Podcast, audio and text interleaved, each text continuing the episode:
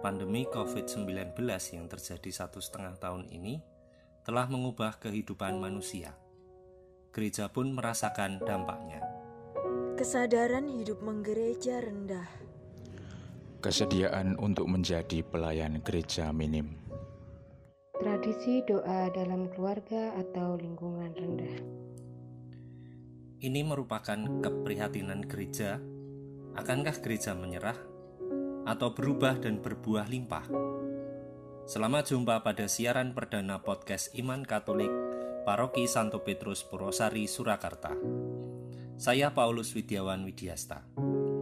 Dalam podcast ini kita akan membicarakan bagaimana gereja seharusnya menyikapi berbagai keprihatinan yang timbul akibat pandemi COVID-19 ini.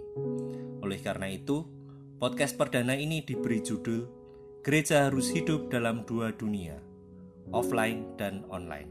Selamat mengikuti. Tidak bisa dipungkiri bahwa pandemi COVID-19 telah membuat tatanan kehidupan manusia yang selama ini mapan menjadi terguncang Kebiasaan manusia untuk berkerumun, bergelombol, bepergian, berdekatan, dan membangun relasi akrab mesti dihentikan demi kesehatan. Banyak tempat yang mengundang keramaian harus ditutup. Salah satunya adalah gereja. Menghadapi situasi tersebut, gereja dituntut untuk mengubah tatanan yang sudah cukup mapan dalam kehidupannya.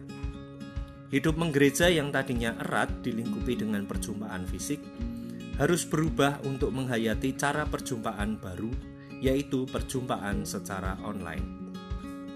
Kehidupan menggereja secara online menjadi suatu cara baru yang dikenalkan kepada umat.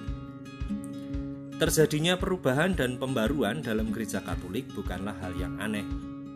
Dalam kasanah kehidupan gereja Katolik dikenal sebuah istilah Ecclesia Semper Reformanda.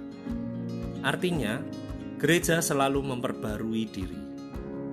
Pembaruan dalam gereja biasanya terjadi karena gereja ingin menjawab tantangan zaman yang aktual yang ada di sekitarnya.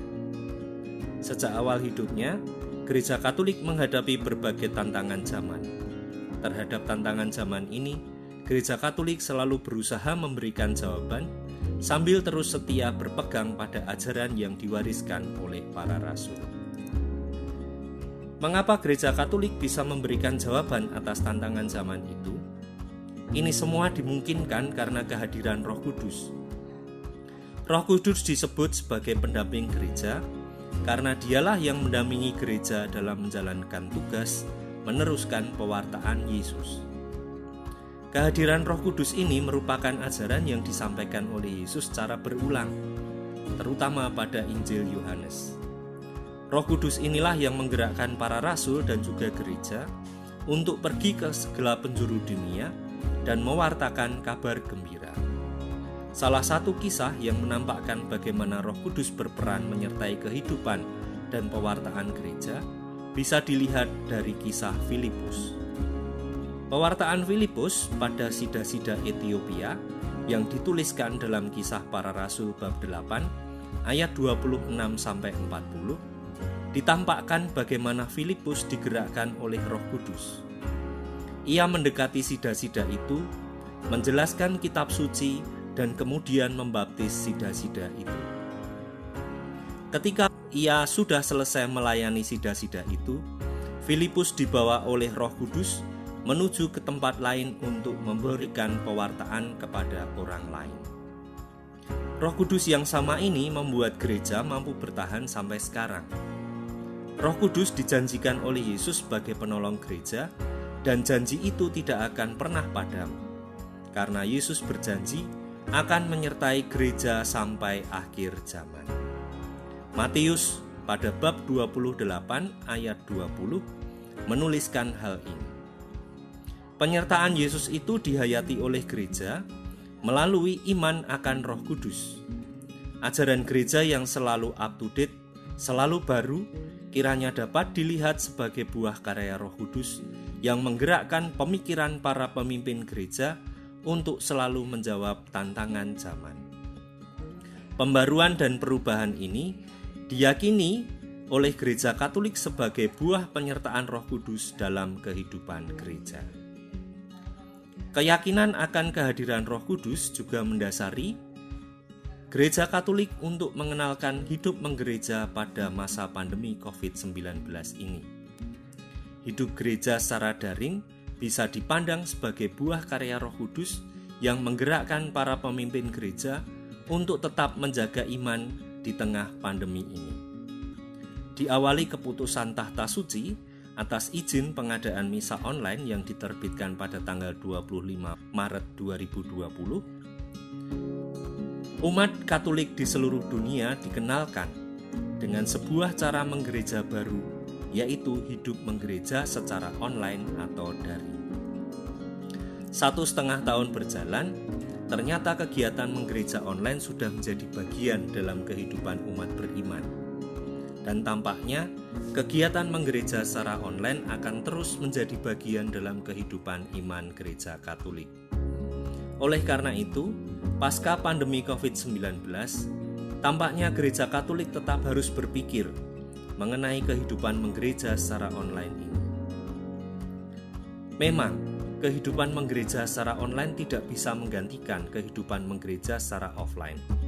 Tetapi, pelayanan gereja secara online tetap dibutuhkan untuk melengkapi kegiatan menggereja secara offline. Dengan memikirkan pelayanan secara online, gereja akan menjangkau lebih banyak orang yang tidak terjangkau, menyapa mereka yang tidak tersapa, dan melayani mereka yang tidak bisa terlayani secara offline. Dengan menambah dunia online, semoga gereja mampu menyikapi dan mengubah berbagai keprihatinan yang tadi disampaikan menjadi peluang untuk membangun kehidupan yang lebih baik. Dunia offline dan online tampaknya harus tetap dipikirkan oleh gereja untuk dilibati. Jika gereja Katolik mampu menjangkau dan merengkuh dua dunia ini, pelayanannya akan menjadi semakin luas. Bukankah ini merupakan salah satu wujud penghayatan sifat Katolik dalam dunia sekarang ini? Gereja disebut Katolik karena terbuka untuk siapa saja, menyeluruh, lengkap berkaitan dengan ajarannya, dan tersebar ke seluruh dunia. Keterlibatan gereja Katolik secara online dan offline bisa menjadi penghayatan baru akan sifat Katolik dalam gereja. Ini menjadi tantangan gereja Katolik. Mampukah gereja Katolik menjawab tantangan itu? Semoga kita semua terbuka akan sapaan Roh Kudus yang selalu membisikkan inspirasi yang luar biasa untuk menghayati iman dalam kehidupan yang senantiasa berkembang dari zaman ke zaman. Ada suatu pepatah mengatakan, berubah atau punah. Semoga gereja Katolik tetap memilih untuk berubah dalam penyertaan Roh Kudus agar tidak punah. Berkah dalam.